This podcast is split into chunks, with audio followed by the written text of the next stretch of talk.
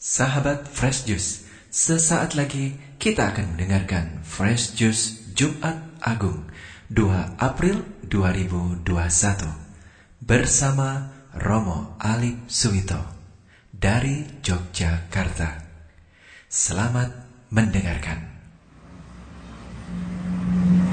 Para sahabat dan pemirsa Fresh Juice yang berbahagia, hari ini Jumat tanggal 2 April bertepatan dengan Jumat Agung, kita bersama-sama merayakan di mana Yesus yang wafat di kayu salib.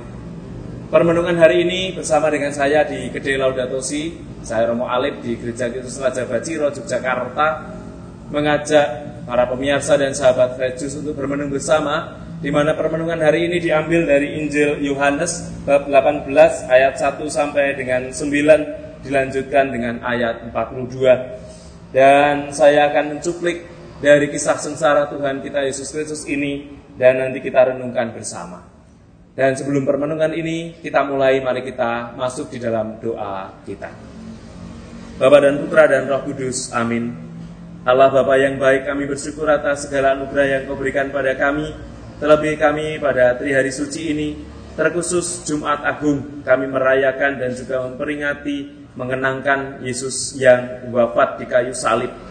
Semoga wafat Kristus yang mencurahkan kerahiman ilahi membantu dan menolong kami manusia yang lemah ini untuk akhirnya memperoleh kerahimanmu. Sebab engkaulah Tuhan dan pengantara kami kini dan sepanjang segala masa. Amin. Injil kisah sengsara Tuhan kita Yesus Kristus diambil dari Injil Yohanes bab 18 ayat 1 sampai dengan 9 dan sampai dengan bab sampai bab 18 ayat 1 sampai dengan bab 19 ayat 42.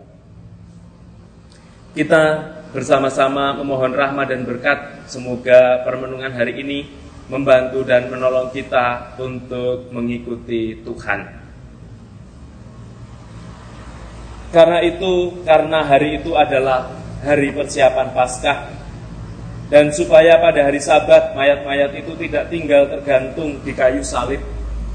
Sebab sabat itu adalah hari yang besar. Maka datanglah orang-orang Yahudi kepada Pilatus dan meminta kepadanya supaya kaki orang-orang itu dipatahkan dan mayat-mayat diturunkan. Maka datanglah prajurit-prajurit lalu mematahkan kaki orang yang pertama dan kaki orang yang lain yang disalibkan bersama-sama dengan Yesus. Tetapi ketika mereka sampai kepada Yesus dan melihat bahwa ia telah mati, mereka tidak mematahkan kakinya. Tetapi seorang dari antara prajurit itu menikam lambung Yesus dengan tombak dan segera mengalirlah darah serta air keluar. Dan orang yang melihat sendiri hal itu yang memberi kesaksiannya dan benarlah kesaksian itu. Dan ia tahu bahwa ia mengatakan kebenaran supaya kamu juga percaya. Demikianlah Injil Tuhan. Terpujilah Kristus. Para sahabat dan pemirsa Yesus yang berbahagia, kematian Yesus di kayu salib merupakan fakta historis. Namun peristiwa itu telah menjadi peninggian dan pemuliaan Yesus sendiri.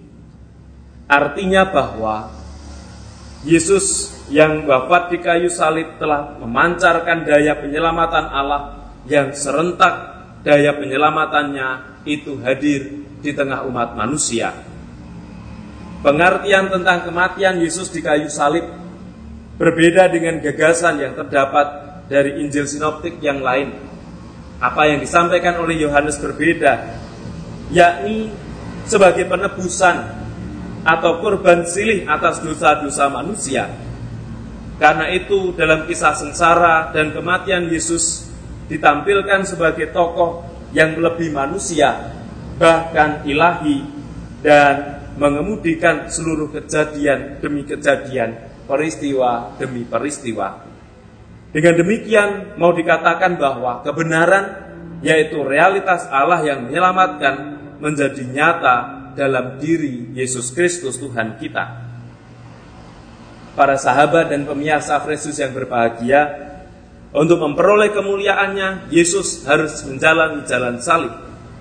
Karena itu, sebagai pengikut Kristus, sudah seharusnya kita tidak gampang mengeluh dan putus asa dalam menanggung beban penderitaan dan kehidupan yang kelak akan diberikan menjadi konkret bagi kita karena penderitaan demi penderitaan salib yang harus kita tanggung sebagai bagian dari kisah penyelamatan. Ibu bapak, para sahabat dan pemirsa Yesus yang berbahagia, hari ini Yesus telah menunjukkan dan menjanjikan mahkota kemuliaan bagi yang setia mengikuti jalan salibnya. Maka mari kita mohon rahmat, semoga peristiwa hari ini, peristiwa pengenangan akan wafat Tuhan menjadi peristiwa kerahiman. Karena dari sana memancarlah air dan darah memancarlah kasih dan kerahiman ilahi untuk kita manusia yang lemah dan berdosa ini. Semoga Tuhan memberkati kita dan peristiwa suci kita, peristiwa penantian Yesus yang bangkit. Tuhan sertamu dan sertamu juga. Semoga kita semua, keluarga, aktivitas hidup kita hari ini dan selanjutnya diberkati Allah yang Maha Kuasa, Bapa dan Putra dan Roh Kudus. Amin. Selamat beraktivitas dan berkah dalam Tuhan memberkati. Sahabat Fresh Juice, kita baru saja mendengarkan Fresh Juice Jumat 2 April 2021.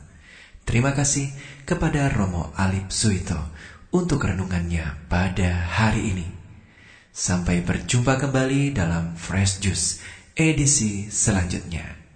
Salam Fresh Juice.